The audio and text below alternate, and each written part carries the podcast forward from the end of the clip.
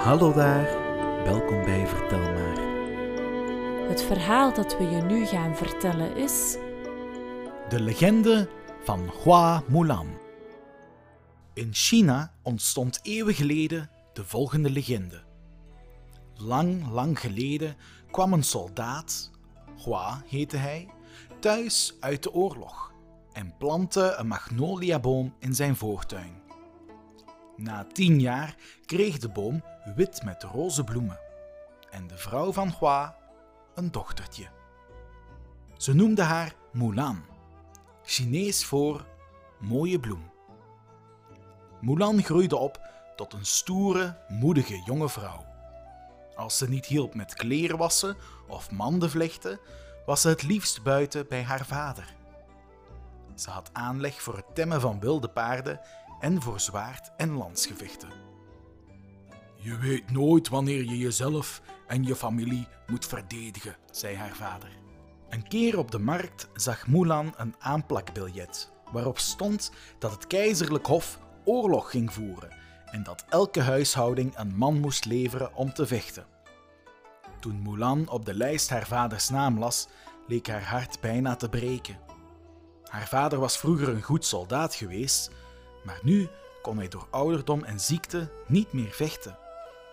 Als hij de oorlog inging, zou hij sterven op het slagveld. Zij zelf was juist kerngezond, sterk als een bison. Ze was lenig en had een geweldig uithoudingsvermogen en scherpe zintuigen. Ze kon zelfs, geleerd van haar vader, geblinddoekt vechten met één hand op haar rug en wist perfect hoe ze met een zwaard moest omgaan. Daarbij miste haar pijlen nooit het doel. Mulan besloot dat ze maar één ding kon doen om haar vader te redden. Ze besprak het met haar kleine zusje. Ik ga in zijn plaats. Wat een man kan, kan ik ook. Dat vindt Baba nooit goed. riep haar zusje. Dan houden we het geheim. zei Mulan.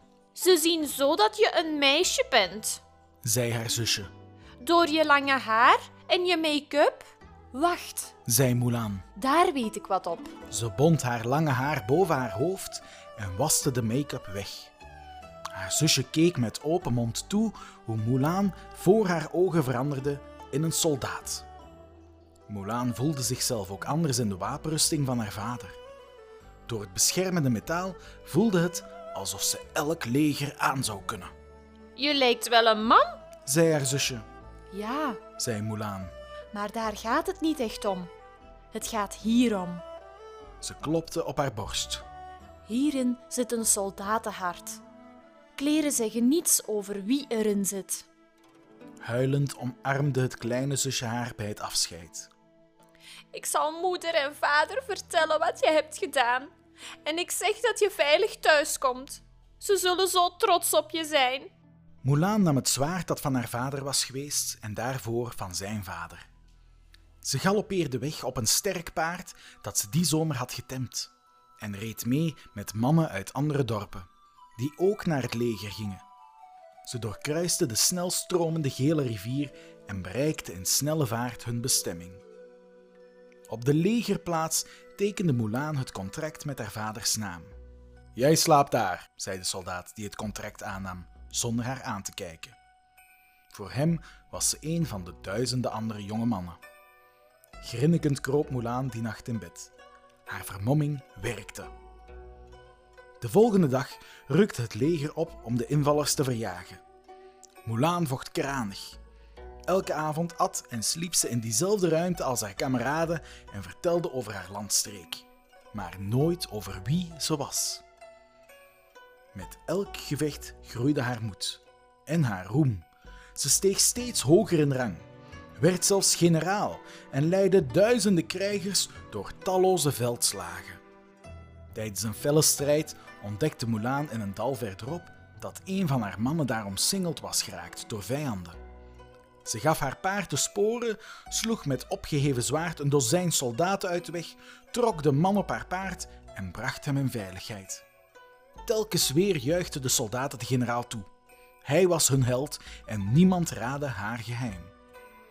Twaalf lange jaren diende Mulan onder haar vaders naam in het leger. Al die jaren was haar zusje bang. Bang dat Mulan gesneuveld was. Of nog erger, dat iemand haar ware identiteit had ontdekt en Mulan zwaar zou worden gestraft. Maar geen mens merkte iets. Toen de oorlog voorbij was en de vijand verdreven, werd Mulan voor de keizer geleid. Ik heb de eer u de positie opperbevelhebber van het keizerlijke leger aan te bieden, sprak de keizer. Mulan boog, Ik dank uw hoogheid. zei ze. Maar het enige wat ik verlang is een snel paard om naar mijn dorp te rijden. Werkelijk, vroeg de keizer. Heeft u geen enkele wens? Alleen om mijn familie terug te zien. zei Mulan. De keizer gaf zijn toestemming en Mulan reed naar huis. Toen ze van veraf haar familie herkende, zag ze dat haar ouders grijs haar hadden en haar zusje volwassen was, Ik ben thuis. zei Mulan. Ze deed de wapenrusting uit die haar beschermd en vermomd had en trok haar oude kleren aan. Haar vader huilde van vreugde toen het familiezwaard weer boven de haard hing en hij dankte Mulan dat ze zijn plaats had ingenomen. Mulans ouders en zusje waren trots op de medailles die ze had gekregen en luisterden ademloos naar haar verhalen. Om de terugkomst van hun oudste dochter te vieren, maakte haar moeder een feestmaal voor het hele dorp. Een paar maanden later kwam een groep mannen uit Mulans regiment hun oude generaal opzoeken. Ze vielen haast om van verbazing toen Mulan opgemaakt en in een sierlijke jurk opendeed. Mijn naam is Mulan, maar jullie kennen me als generaal. zei ze. Ik leidde jullie in de strijd.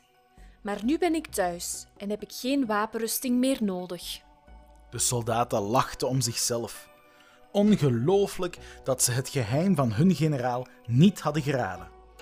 Maar ze bogen vol respect voor de vrouw die hun leven en hun land had gered. Ben jij ook zo dol op de verhalen van Vertel maar? Surf dan zeker naar onze website www.vertelmaar.be. Je kan ons ook volgen op Facebook en YouTube. Heb je een verzoekje? Stuur ons een mailtje. verhaal@vertelmaar.be